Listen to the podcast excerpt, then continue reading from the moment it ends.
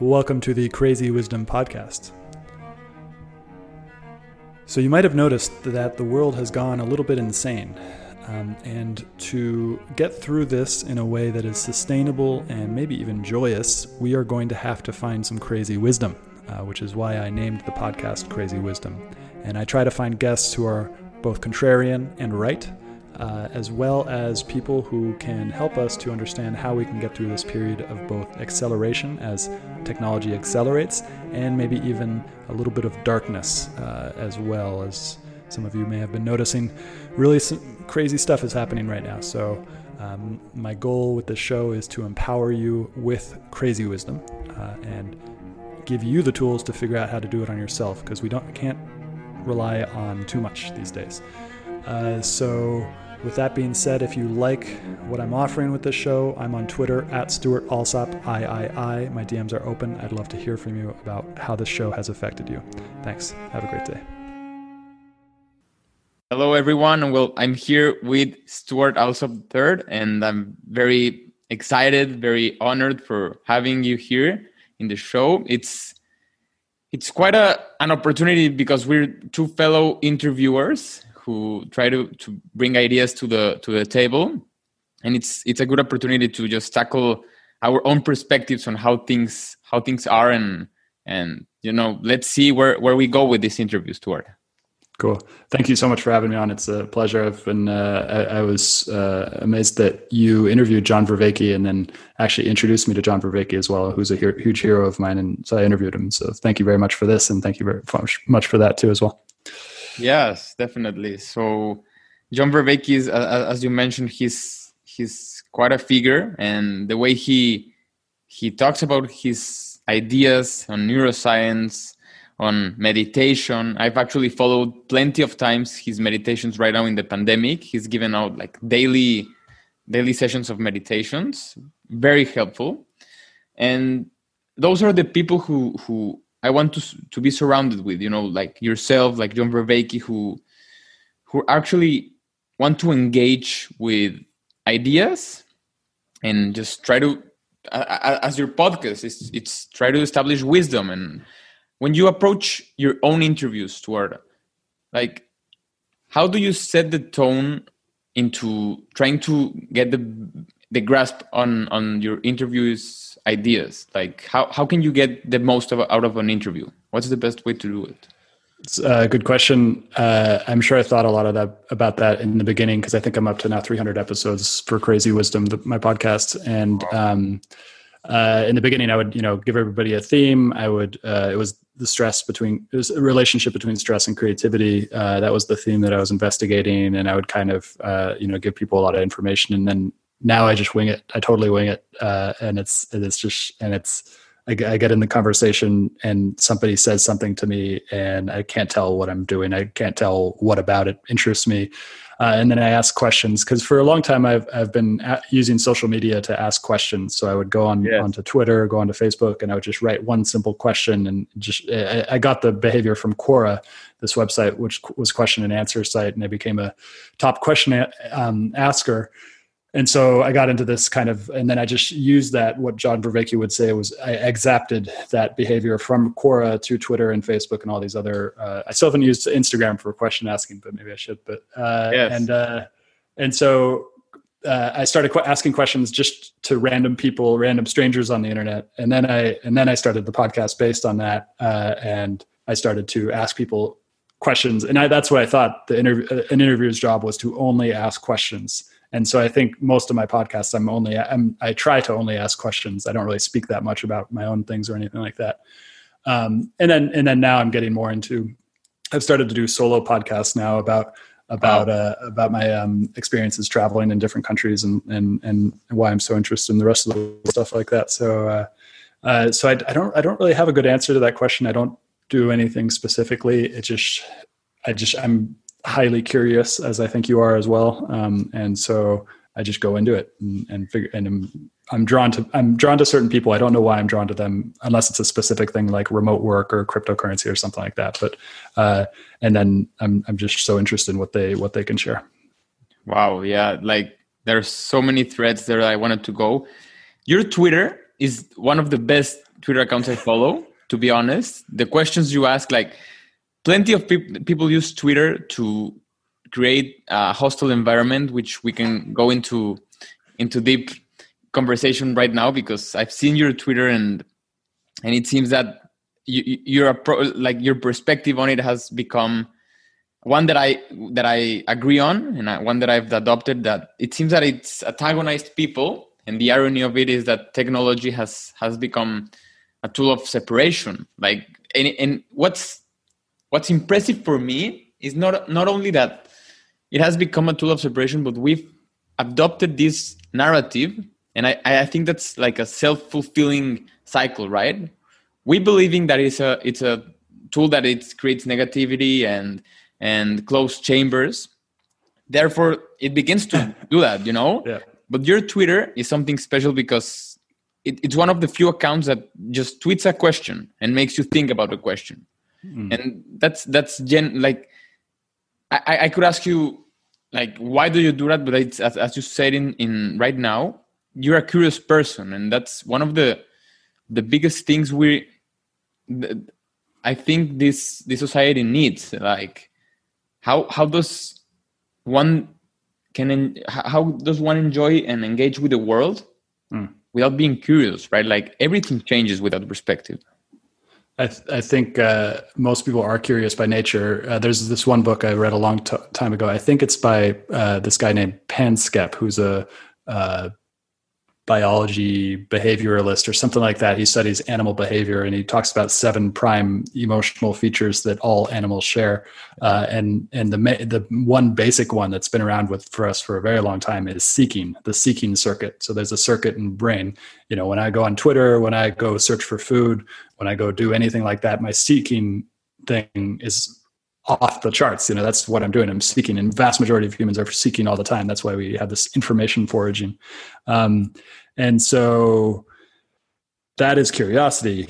Uh, and I think in most people, curiosity has been diminished because there's so much fear um, uh, because fear shuts down curiosity. Uh, and i and i experienced this for a long time for many years before starting to ask questions. That's why quora was nice because it was kind of anonymous. I could go on there and ask questions about it and mm. be somewhat separated from the brand of the person who's asking the question. Uh, and then more and more i realized the question asking was the one of the most courageous things that we can do as human beings um, particularly now because uh, now you can you can tell how serious is somebody about their own intellectual uh, curiosity or open-mindedness uh, is if you question them do they shut down? Because um, if they shut down it means that they're they're tied themselves tied their identity to to the to the to the thing that they're talking about. And and that's it. And that a lot of people are starting to do that because of what you mentioned uh, which is a, a, self-fulfilling prophecy. And i think one of the major things that we can do as people who who who who like to consider a lot of different factors is basically remain in uncertainty um, and say we don't know what's going to happen. I know we're in a self-fulfilling prophecy and a self-fulfilling cycle right? And it seems that most people know that like i'm pretty i'm pretty sure uh, that most people don't want this to happen. But what happens is it, it connects with what we're talking about twitter and everyone's plugged in like like and, and listening and reading these ideas which are rather radical and and not like people are mentioning really really bad ideas and we're all tuning into them everyone. And what happens is that I believe what happens with me is that it has it, it must be the, the the whole consensus. What we're reading in Twitter is the most it's the whole consensus. Mm. Mm. You know? And my question is how do we get out of it? We we need to engage with uncertainty, as you said, but in a macro scale, like it it feels we're we're going automatically into this into this destiny like a part of us is. Yeah it's it's it's the it's um so so i'm going to rip off of john vervaeke here a little bit. He he isolated a key term which is cognitive uh, uh, uh, uh distributed cognition so you know, a tribe of 150 people, a tribe of 50 to 100 people in the in the jungle had a distributed cognition that was limited to that 150 people. So uh, that was our evolutionary past. Was where it was a bunch of people with all trying to survive in the jungle and they all had the same beliefs and there was no really kind of dissent or except for maybe minor things about how to get the food and stuff like that until yeah. you ran into another tribe and then it would be a lot of dissent or you know i don't want to get too much in my imagination there but you have, you have this thing called cognitive uh, um, uh, distributed cognition now add social media and distributed cognition has uh, changed to a crazy degree. And now we're hooked up as you said but we're hooked up to our own kind of thought spheres that immediate media environment. Um, so uh, so you got this cognitive uh, distribution and we are not prepared for it in the same way that we aren't prepared for um, uh, limitless sugar everywhere. Uh, so we're kind of just like we got to figure it out uh, and then the same way in the 1920s, I think radio was invented in the early 1900s, radio was invented in the 1920s, leads to people like uh, Franklin Delano Roosevelt, who can talk really, really well and, and get a whole bunch of people motivated. Also leads to Hitler, uh, and then you know, like also then add the TV in there as well, and that's that's TV, particularly in the '60s and the '70s and later on. It's like then it goes into cable news, and then you get mm. Fox News, and you get, you know, I mean, Trump is is probably very related to the fact that he was on both Fox News and also reality television, which are two themes that we aren't prepared for as well. Yeah. Now add social media, and so it all goes back to something that I learned from one uh, person I interviewed, uh, Elliot Pepper. And Elliot Pepper said that we are living in an age of acceleration. Uh, and so everything is going real, really fast, and it's incredibly stress producing. So we're all under a huge amount of stress to try to adapt our brain that has had all of these influences for the last hundred years, which are now coming to a head and uh, coming to another head because they've come to head, come to a head of various times over the past hundred years. Uh, and so we're going into that again. And I, uh, to answer your question, might be a little bit of a pessimistic or a cynic. Uh, I don't think we we have any control over, over where we're going. We've already we've already gone into it and and we're headed there. And it's a self fulfilling prophecy. And so for my own my own I, I can't answer what other people are doing, but uh, for my own thing, I'm I'm and I think John Vervaeke would actually agree with me. I'm I'm I'm going to try to wake up, uh, I, like a like uh, spiritual awakening the best thing I can do for myself, my family, and those people who are closest to me, who can then maybe hopefully spread out beyond that, is to is to aim to wake up from the dream that I'm living in, um, and the dream that we are all distributed in, and the, that distributed cognition is essentially it's a dream. Because mm-hmm. when I look at the tree, I don't see the tree. I see I see my shared illusion of the tree that you also see, uh, and and I think that's probably the best thing we can do is to aim unless you're in a position of power but i think even in positions of power it's no longer about the truth or uh, maybe if it was never about the truth but um, uh, if you're in a position of power you, have got so many other incentives to do the wrong thing uh, as we've seen in this pandemic. So yeah. Yep. Wow. It's have you seen the movie waking life? No no. Ooh, write it down. You have got to see it. Everyone who's listening right now has got to see Waking Life. It's mm. pretty much the the whole idea is that I don't want to spoil it. I mean, I don't care personally about spoilers. I like to, you know, everyone to to tell the story, but I don't know if our listeners will appreciate it.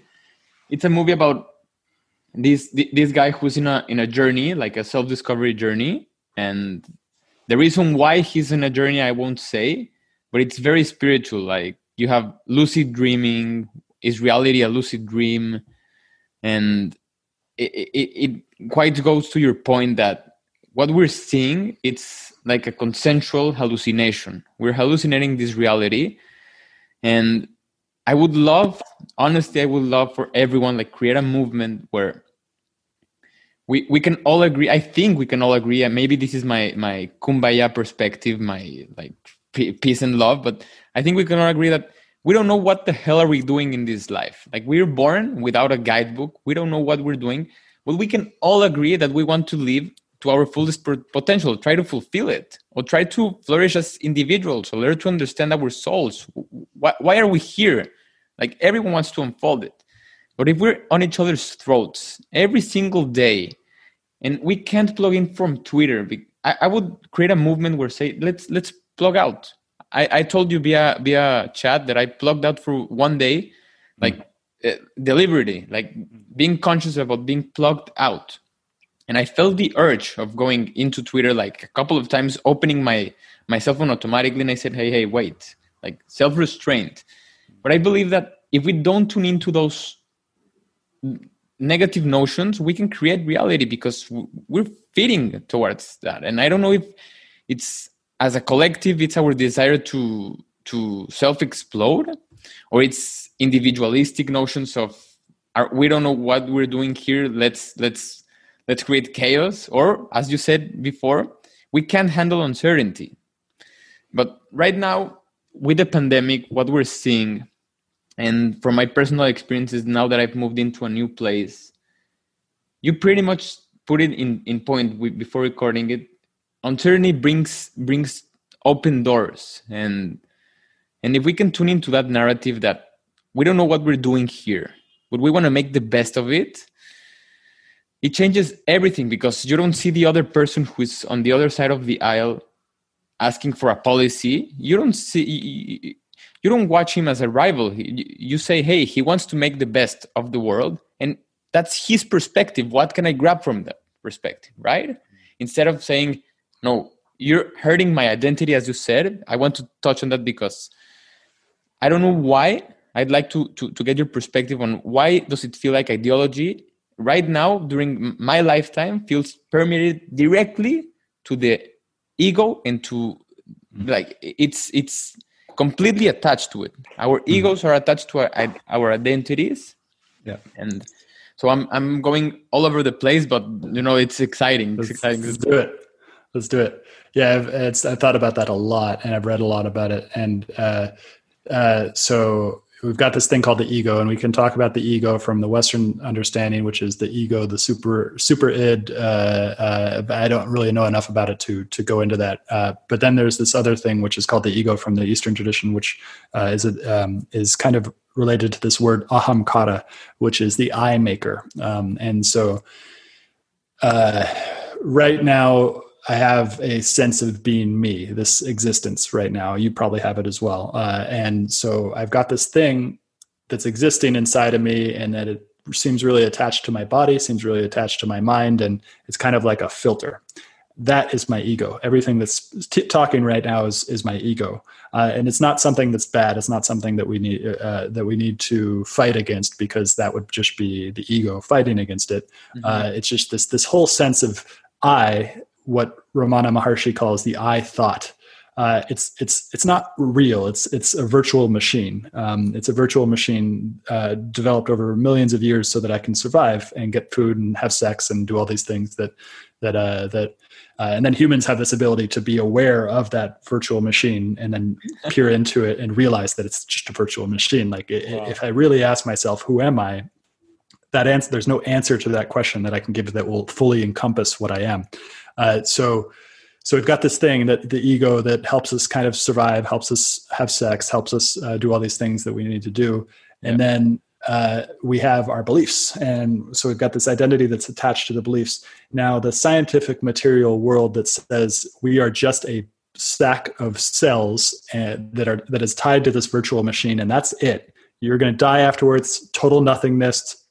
That's it. That's everything uh, uh, and says there is no God, there is no connection, there is no anything like that, that doesn't really allow for a place of, uh, of, of, of existence. So all we have now is this ego, uh, this I, I maker, which then has been kind of given a bunch of dopamine over the past 20 to 30 years. And well, with social media, you know, creating a Facebook account of what's called the idealized self. Mm. Uh, so we've created this idealized self that we then put a bunch of energy into, which then further uh, develops this this this sense of the I thought as opposed to I, the the who, the me, the truly that truly exists.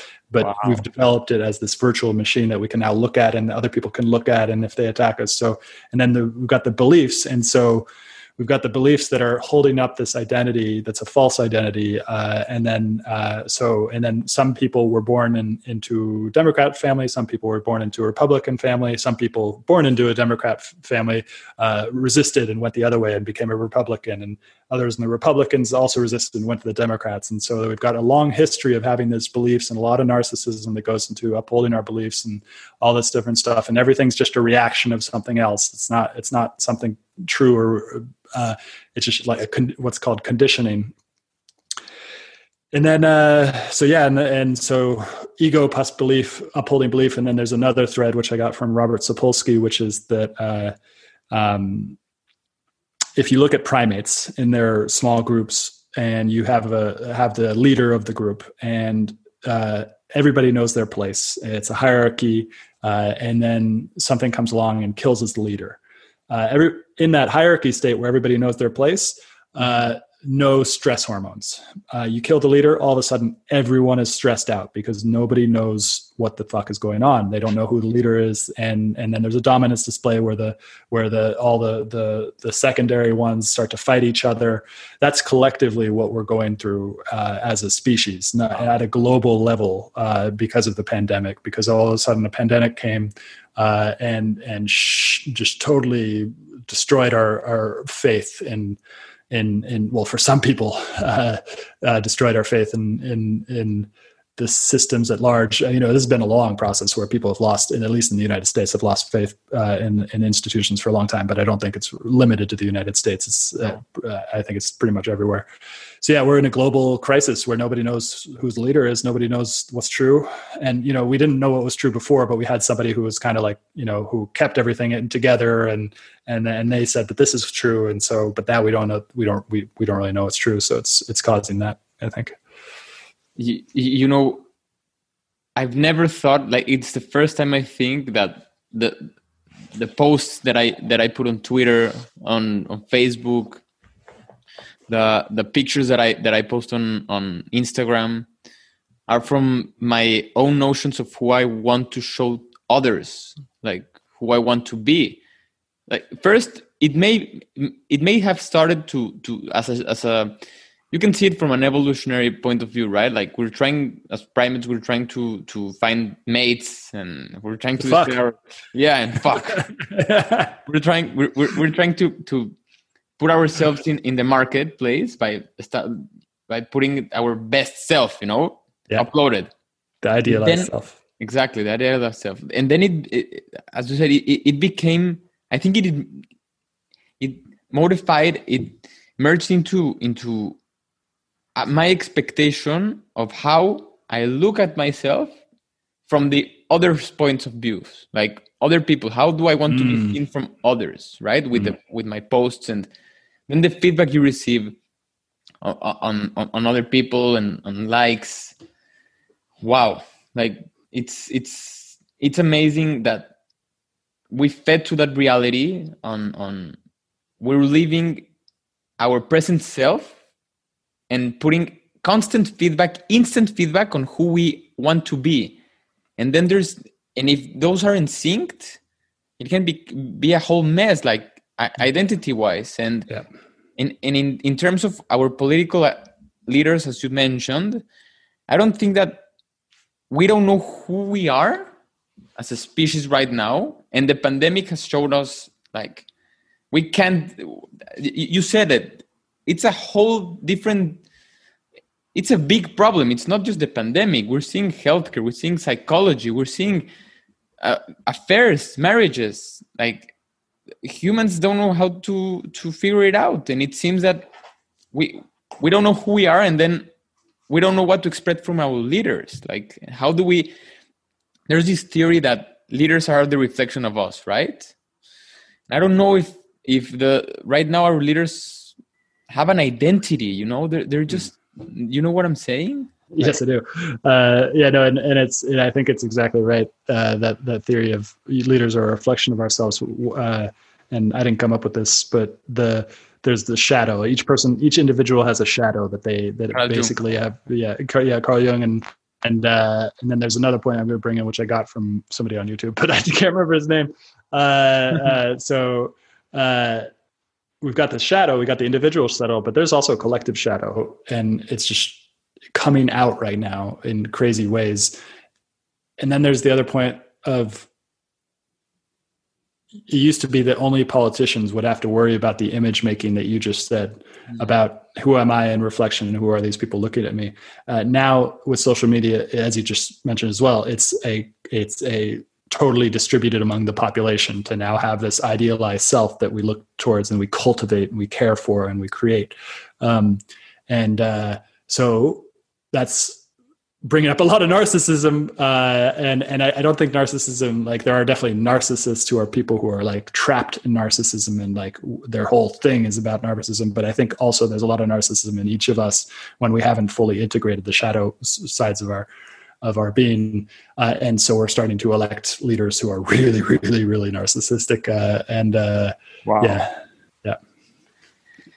That's exactly it. Like literally the our you know you mentioned also how how media and how the feedback between media and, and us have have uh, created leaders. And i'm working on an article it's in draft right now. I'm working on an article that said that the, the future president the next president which i believe will emerge from this platform from podcasting from long form conversation. Oh interesting. Yeah because i, I truly believe that the, the debate was a catalyst. Everyone the, yep. yeah. The, the, conclusion is what this is this is a shit show. It, it can't keep on. Like this this forum it can't keep on. And we, we've seen also oh someone calling give me one one moment sure yeah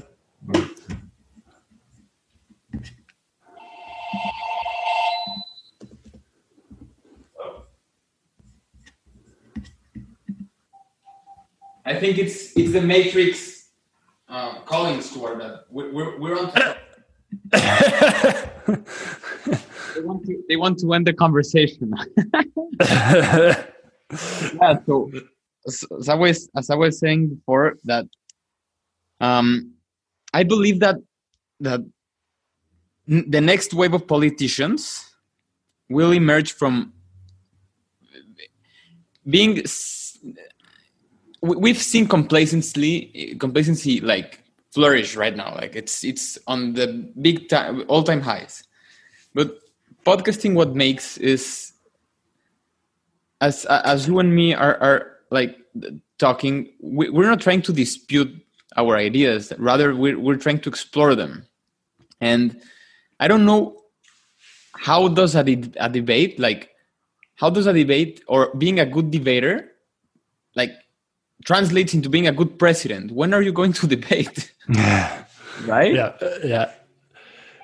Well, and it's it's a little. It reminds me of the the interview questions that you that startups have to put you through in order to become a developer. Most of the developers I know hate those interview questions because they have nothing to do with the actual job themselves, but it's some sort of formality that we have to go through in order to get this job because they've developed a process. And I think it's similar to the way that we're doing this conversation right now. Is how do you how do you two people meet together without an agenda and yeah. basically uh, uh, just uh, kind of discover the truth in mutual uh, conversation as opposed to having a pre-fit plan. And most people don't feel comfortable having uh, not having a pre-fit plan. Like certainty is it, uh, because th- that curiosity has been shut down in them because they worry so much about their idealized self.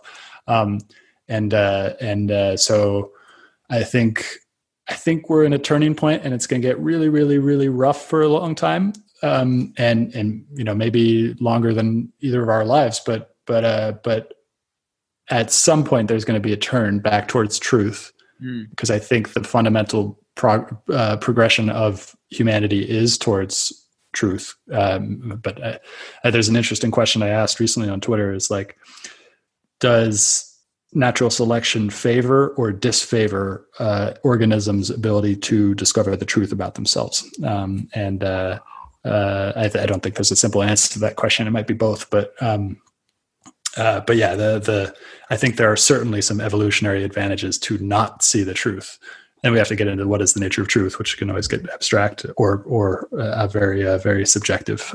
so yeah. yeah, Oof, that's a great question, and I've had uh, Isabel Behncke, who, who is a, an evolutionary biologist, an evolutionary anthropologist. Uh, she she's a, an amazing person. She studied bonobos, and I mentioned her eh, in our conversation, and I mentioned Nicholas Christakis, who is a sociologist, who's set to be on the podcast soon.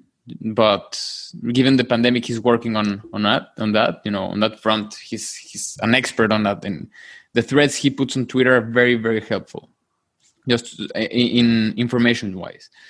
But he said that we're going back into into political spectrums like there, there's this was very mind-blowing. He, he, there was this experiment conducted where I, I, don't know how many people were surveyed into their political ideologies and then they were placed in the political spectrum like very right far right far left center you know they were put in this place and then they were asked to use uh, to put towels with it and and mm. like grab their their their sweat. So you know they were transpiring and the sweat will come out.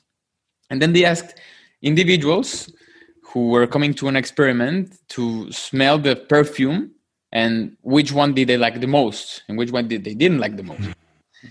And what's impressive, I, I cried, I laughed, and I was like, I, I had to stop doing everything that I was doing. I was driving, I had to stop because I was believe it the people who liked the most per, like the, the the scent that were, they were closer to they wanted to to have it was a perfume who related closer to their own political ideology.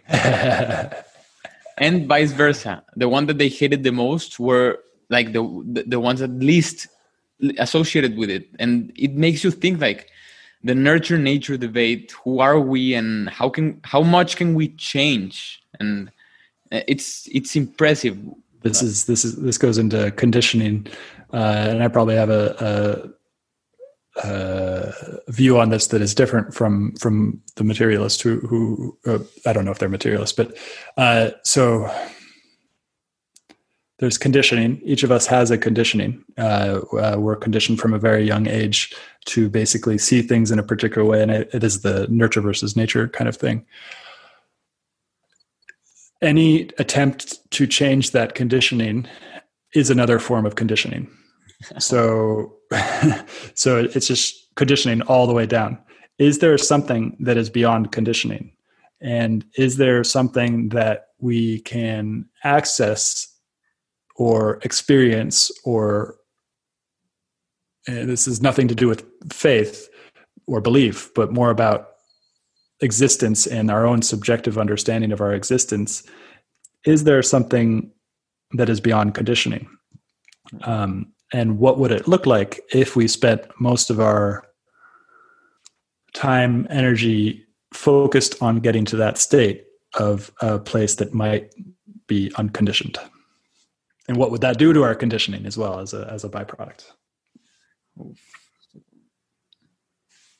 Wow. We're on to something and as, as i mentioned the matrix the matrix is which one would you, would you take? Would you take the red pill or blue pill? I take the yellow pill. Uh, yeah no I, I don't know I, I i don't have a good answer for that um, no i definitely i definitely take the red pill because uh, because reality and i think red pill is the one that that the truth. Let's see, see the Matrix. Yeah, yeah, yeah, yeah. Uh, it's um, just like if if it's really challenging to understand a lot of the truths about nature. For example, that this body that I'm in right now will die. All of my family will die. All of my friends will die. I will get weak. I will get old. Uh, everything will come to an end in terms of this body. Uh, that's a really difficult truth to like really feel um, uh, and experience all the way through. And I, I, still haven't got experienced all the way through, but I'm getting closer. Uh, and even though that red pill is really hard to swallow, uh, the benefits of doing that are just miraculous, and they're and they're not explainable. I can't I, I, mean, I could I could try to convince you. I could try to sell you on the idea that you should do this, that you should fully viscerally understand that you're going to die.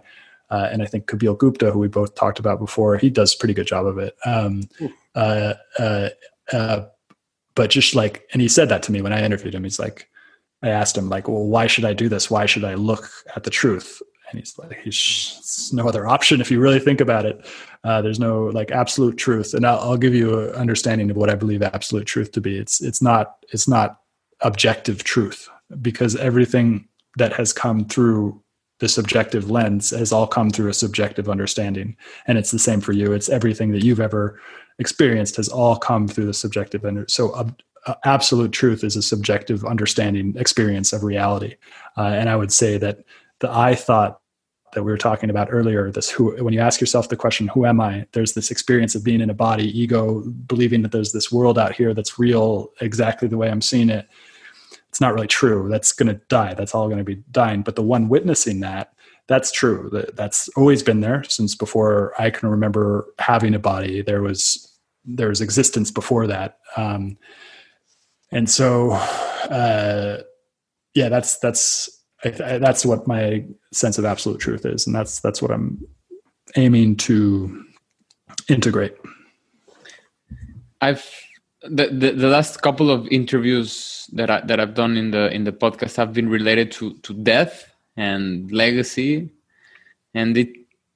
I, I would love to ask you like you mentioned that you're trying to to cope or you know come into more terms with with one's death and everyone else's death and you know ceasing to exist. And that's one of the main issues for me. Like personally i'm i'm, I'm i have a hard time like getting uh, at least being i don't know how to put it like being aware of your own the the the limitness limited nature of your own existence.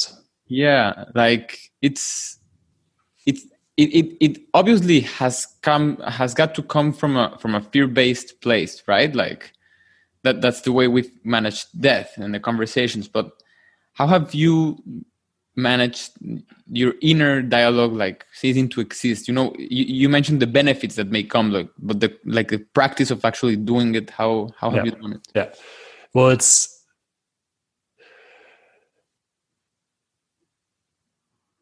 I've had a particularly difficult. Uh, so before I go into it, there's there's many there's a few universal fears that human beings have, and two of those main universal fears are fear of death and fear of going crazy. So you're not alone. Um, everybody experiences it, and everybody who does not currently experience it because they've gone, they've had an experience of it in their bodies of the ego dying. They have once had that same experience, so they they know. Maybe not recently.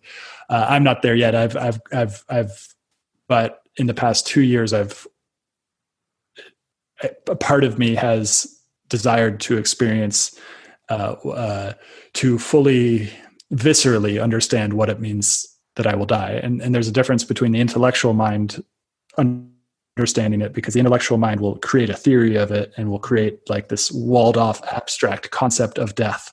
Uh, but when we really experience it when we when we have that kind of the terror that comes from realizing that and, and i think that's the only way to do it is to actually experience that and and ask for more of it.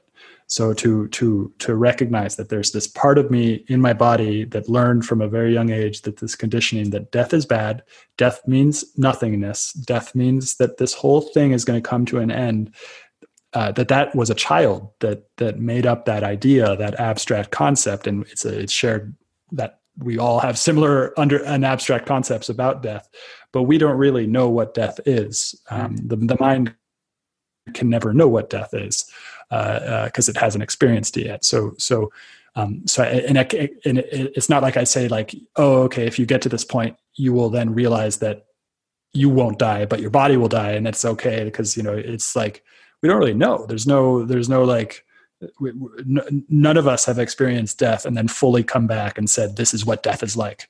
Um, because you didn't die. You came back into the same body. It's like all the people with the the, the near death experiences. Mm. um, those yeah those another thing said, yep. those who said that they they've come from from death like they're they're, they're they have resuscitated we believe they're crazy. So it's we're in a in a in trouble. Yeah. Sorry, sorry to interrupt. Go go ahead. No, no, and that, and that, that actually ties in with what I was going to say is that near death experiences uh, uh, can often lead to really, really profound shifts in meaning in life because yeah, you you've had this taste of death uh, that that uh, and so you recognize the value of life, and that's another big thing is that nobody really is living until they've fully experienced uh, the ego death. Um, uh, because there's always this inner child that has basically made up this abstract idea of what death is based on other people telling that child what abstract death, their own fears of abstract death. And it's a distributed cognition of a virtual machine of death, not death itself. Um, and so, uh, yeah. And so I, I, think it comes down to desire and desiring to know the truth. Uh, and, uh, and another thing you asked how, and how is a uh, is asking for a method um, or a prescription or yeah. And so i could say desire desire is going to be the way. Um, but if you're into prescriptions then also there's iboga uh, iboga is a plant medicine uh, that comes from gabon and cameroon in africa uh, that simulates a sort of near death experience i didn't experience a death but it definitely brought up all my resistance to this this stuff that we're talking about, and that one was very powerful. Wow. Um, yeah, that's that. That was one exactly what I wanted to mention the the role of psychedelics in in spirituality. Oof, I, pretty much there, there's been substantive amount of studies where people who who are nearing death and say that they they've taken mushrooms, for example, they are not they, they don't fear it anymore. And that's that, that's impressive. And yeah so no I, I wasn't particularly asking for prescriptions but you put it right like the way the way that i'm trying to ask you the question is to try to to make make it more certain like you know what has been your own process so mm-hmm. it doesn't feel weird once i'm doing it yeah as yeah. you say it, it's it's a it has to be one's journey it has to be my journey into into coming into terms with ceasing to exist and i believe that younger generations like we don't need to tell them you're gonna die. It's not a it's not it's not a good idea. But i believe uh-huh. that the way we yeah. The way we the way we relate with with the world the way i relate with the world becomes pretty much different in like three 180 degrees in the sense that i'm humbled and i say i won't be here all the time. There's people who have been before me. The earth has been whew, plenty of millions of years before me and it will be after me. So how can i manage my time here and pass the baton in a in a honest way in a truthful way? My own self-discovery without hurting others chances of self-discovery. And that's that's the big theme like that, that's one of the, the biggest things i want to do in my life is to try try try to create my own journey without hurting the others who for example take my children or take their children they don't have a saying in the world they will they will inherit right but it is very likely that me and my friends and my community my, my network begins to have children and what will the future look like for them? Will they get even the chance to ask themselves, why am I here? That's, I, I think that it closely relates to getting to understand that we're not here for, for the, for eternity. And it's okay to feel that way. How, if you, if there was a world where you could become eternal, uh, how long would it take until you crazy? You get what I'm saying? Yeah uh, how many how many you know times would you have sex before having sex lost all meaning or how many times would you eat a cake or all these things all these life pleasures that seem to give us so much joy if that went on for eternity how long would it be until you wanted to push the button and actually kill yourself have you seen have you seen groundhog day yeah, yeah. i've Actually, I, I, saw it just a couple of months ago for for the first time during the pandemic. yeah, exactly. Which is like Groundhog Day. It's, it's yeah, like yeah. But I think that yeah, you pretty much your point is taken. Like it, eternity, uh, it, it's our my desire to live a long life in the sense like putting it personally because i'm thinking of for example yuval, yuval harari who says that we're nearing immortality right? We, we Amor- immortality. Immortality Not immortality. Yeah, yeah. Mm-hmm. exactly immortality. Yeah like 500 years. Like we, we're not going to die for natural causes just a car will, will crash and we're gonna die.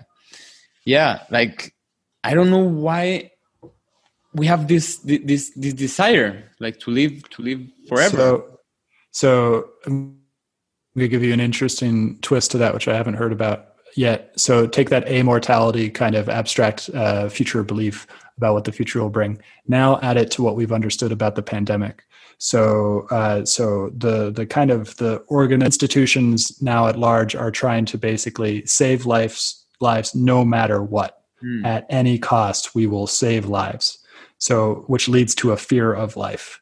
So many people right now are so deathly afraid of life because of this abstract concept of death that they've that they've that they have not integrated yet, um, and uh, and now add amortality to that.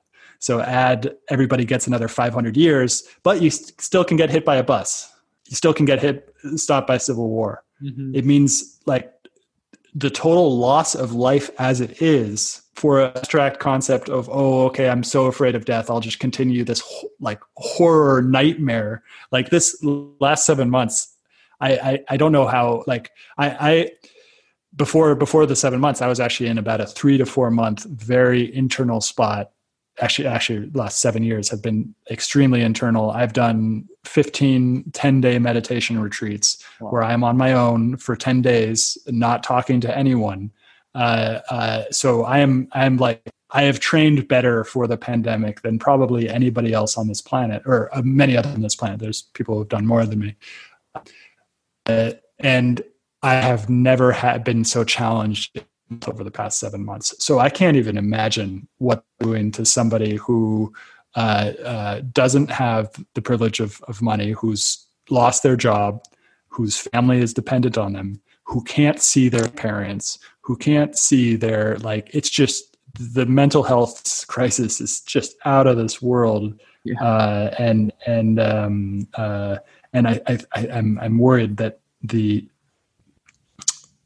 the wealthier of us who are going to kind of try to go for this life extension thing are going to make life itself unbearable for those who, who don't have uh, the means to do that.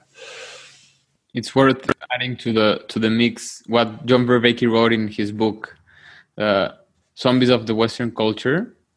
It's we're in a meaning crisis, and add to the fact that we're in in a crisis like a literal one with a pandemic and as you say the, the mental mental health it's the biggest challenge because you're I, I was fortunate to be with my family in the in the in the lockdown like i wasn't truly alone and i don't know right now I, am I'm, I'm alone but i'm going out the mm. in, everything's open mm. right now in my location in florida but I, I, I as you say, like putting if I would be alone for seven months with no job, with nothing, I don't know if I, I would have handled it.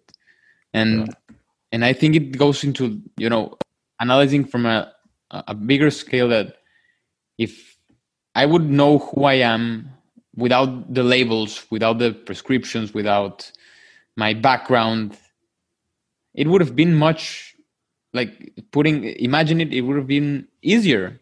But right now we're we're grappling with the fact of we're not we don't know who we are and we can't get out of that idea because we can't get out. You know? And and i think there's a fundamental paradox there too which is that there's there's never going to be a point at which you say oh this is who i am because that's the ego creating an, uh, uh, uh, an image of this thing that is just like multivariate complex to the you know combinatorial explosive John Vervaeke would say like this this this this being that I am is not something that can be said hey this is it. This is this is this is me. I found it. I found the real Stuart it's inside here. It's like there's there's it's just like exactly. it's not yeah. to happen. Yeah. Yeah. Yeah definitely. Like I I I, I I've thought about it like we, I asked them I asked myself like will I get to the point where I know who I am? And if so that that's that would be entirely false like it would be an illusion, and that would be taking the blue pill. or yeah. you could treat it as a, as a joke too, because it's kind of a joke. You know, it's you just got to laugh because uh, there's an exercise that you can do, and anybody who's listening can do it. And now it's basically so I'm aware, you're aware, we've got this awareness. And every time that my brain points itself, instead of pointing myself out towards you or out towards the food or out towards whatever I'm seeing, um, I can point my focus onto the awareness itself. And and but then what is the thing that's focusing on the awareness itself? That's awareness as well. So it's all just one big awareness thing. And you can keep on going back and be like well what is the awareness of the awareness? Who's being aware of the awareness? And you can keep on doing that for like exponentially. Uh, but the ultimate thing is you run into laughter because it's all it's, you can't figure it out. It's the matrix. It's like we're stuck in the matrix. You can't stop trying to escape from the matrix. It's there. The, trying to escape from the matrix is just another eco game. Yeah. One of the of, of my questions for you is if suppose suppose we we are with in the mind of kapil gupta right now. How does he like his day-to-day life in a he sees society as a as a as a prison right? How does how can i engage with with some let's say i'm enlightened right? How can i engage with the outer world where i know it's it's false? Like how how do you do that? That's i think never... i think it goes and again i'm not i don't i don't claim to be enlightened. I don't claim to have have a, a, an awakening experience that can give me give you get that can transmit a actual understanding of what that state is like. I've got hints of it, but I'm not I'm not there yet. Uh, but again, I think it would go back to the benefits. The the unknown benefits to it are are um, are just like it is. It's just like, well, why why do you want to know the truth? Why do you want to know the truth? Because oof, I would uh, it's there there's there's nothing that attracts me more than you know from from from my own personal ideas that being honest and trying to be transparent and that living a life that says i'm not going to to live a truthful life i think that's that's the way i would put it because I don't think I'm seeking truth. I'm trying to live a truthful life. And I don't know if how do I the, the way that I that I go into life, the way that I engage with my daily routine, the the way I try to to be with others, like it's trying to seek truth, but by being truthful, like why do I want to I don't know if I answered it why do I want to look for for the truth is I don't know. I think it's engineered in me. I don't know. Like it's hmm. yeah. I'm, so something curious. deep inside you. Yeah, I'm, I'm curious about about where can it where can my life live if if that's my my objective. Like I want to learn the truth. Where where can I go? What mm. what's my life story like? Could I offer that maybe there's something in you that recognizes everything that you're experiencing right now as filtered through this thing, this virtual machine, might not be all there is, and that there's something more out there, or there's something less out there. Um, but that that that that the way that you're currently seeing, or the way and the way that I'm currently seeing, is not. It just it doesn't seem like it's it's it's the whole picture, right? Yeah. And so part of you is that way, uh, and then another part is same with everyone else too has this fear of death and fear maybe of going crazy the fear of going crazy was larger than the fear of death for me um, and and and so part of part of you may want to avoid looking at the truth, but then there's another part of you that does want to see the truth, right? And so, which one is which one is bigger? Which which one is uh, uh, which one do you want more? I think is the is the key question. That's that's one that I I need to you know think on and and sit. Maybe maybe throughout my life it has been more on the denial. It has been perhaps with the illusion of, of, of finding the truth, but being like as you say, putting putting it in in an intellectual box, right? Like I, I I'm I'm pursuing truth, but perhaps that's as, that's my shield, you know, from the actual. I think, yep I would agree. Yeah, because that's, uh, and also I, I think you're you're young as well, um, but. Uh, so there's there's there's there's like you know, just your biology is is is still focused on on things that it, it needs to do in order to to survive. But then, uh, but then there's another kind of big thing that young people in the past didn't have that luxury. Who had that luxury where we don't, where where where things are getting pretty hectic, uh, and so finding the truth might make you more anti-fragile uh, uh when it comes to the experiences that we have in store for us. Hmm. Wow, I've wow please expand on that well so uh, there's a i came up with a question a, a long time ago the, the nicholas nassim taleb talks about uh, anti-fragility he wrote a yeah. book called anti-fragility and his understanding of anti-fragility comes from having fuck you money so the ability to make so much money that you can say f off to anybody who tells you what to do I, I, I'm I'm all in favor of that. I actually really really I think there's a lot of value in it but I think it, there's there's one more step. And so, what is the spiritual equivalent of fu money, um, or uh, and uh, and and how? And obviously, the other thing component is anti fragility. How can instead of being fragile and collapsing when there's stress, uh, being resilient when you can handle stress. Anti fragility is that you actually grow from stress. Stress, mm-hmm. uh, and so what is the spiritual equivalent of that? Uh, and that would be realizing that this world that we both are so convinced is real might not actually be the whole thing. Um, and that there's this thing that's so silent, this awareness inside of us, this subjective existence that we are constantly feeling, constantly that most intimate part of who we really are.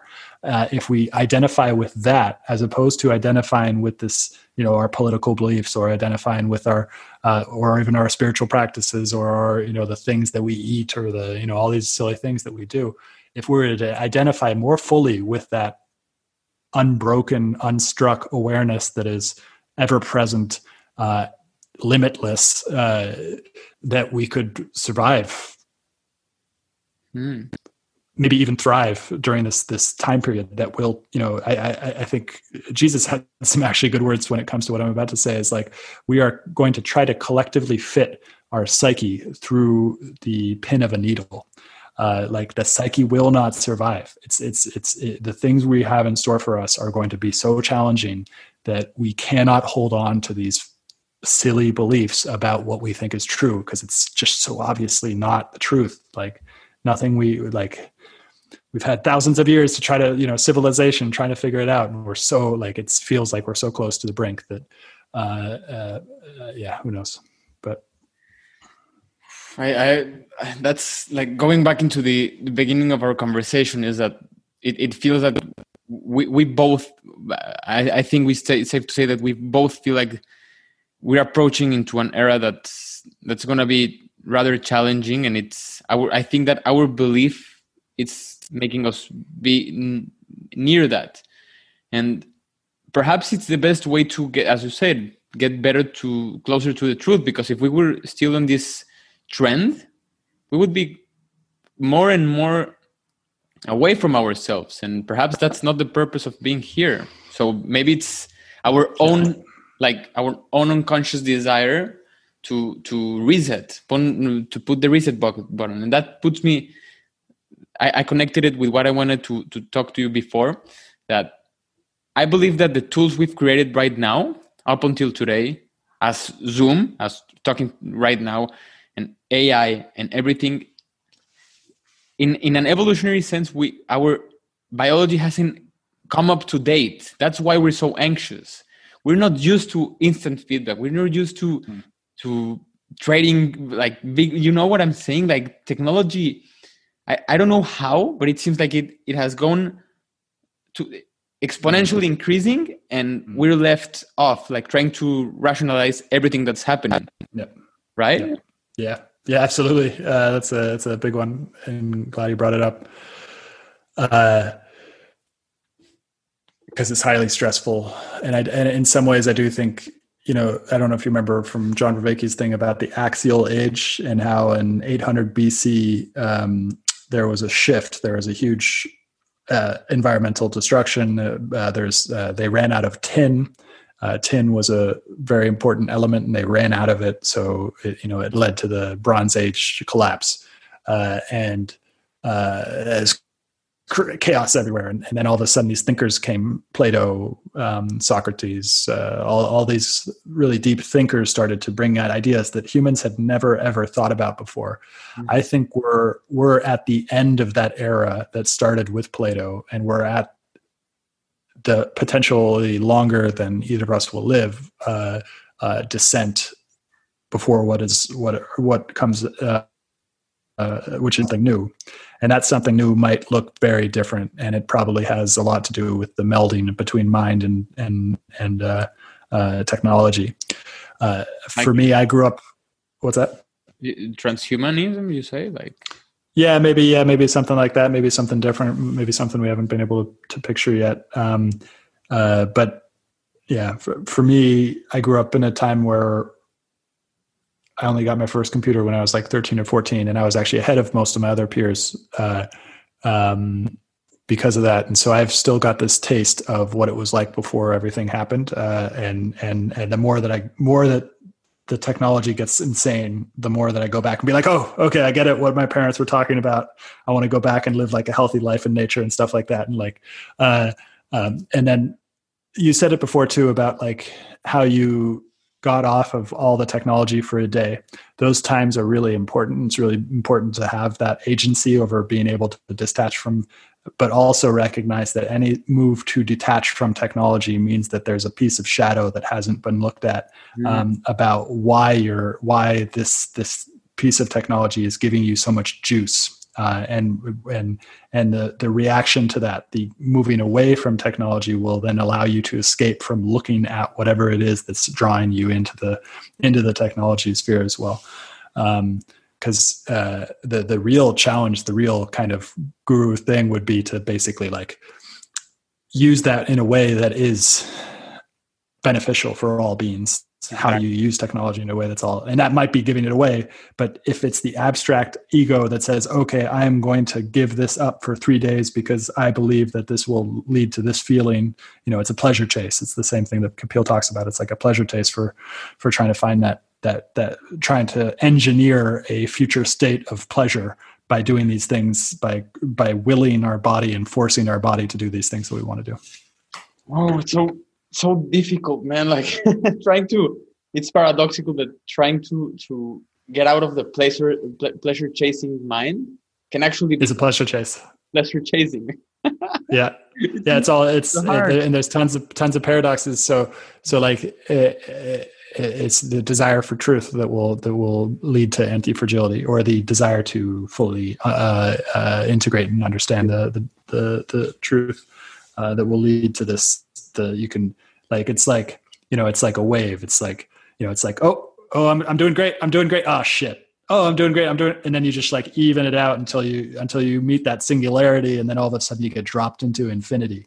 Um uh uh and uh and then i haven't i haven't reached that infinity point yet so i i, I can't can't say what's there but uh um and isn't you know it's just like it's, it's somewhat meaningless for me to talk about it because it's like uh I just don't know what's there, um, and I can't can't describe it. But I imagine that it would lead to a lot. Like you still go on the waves, the ego still goes along the waves, but you don't feel like you're going on the waves. You're witnessing all the waving stuff. Oh.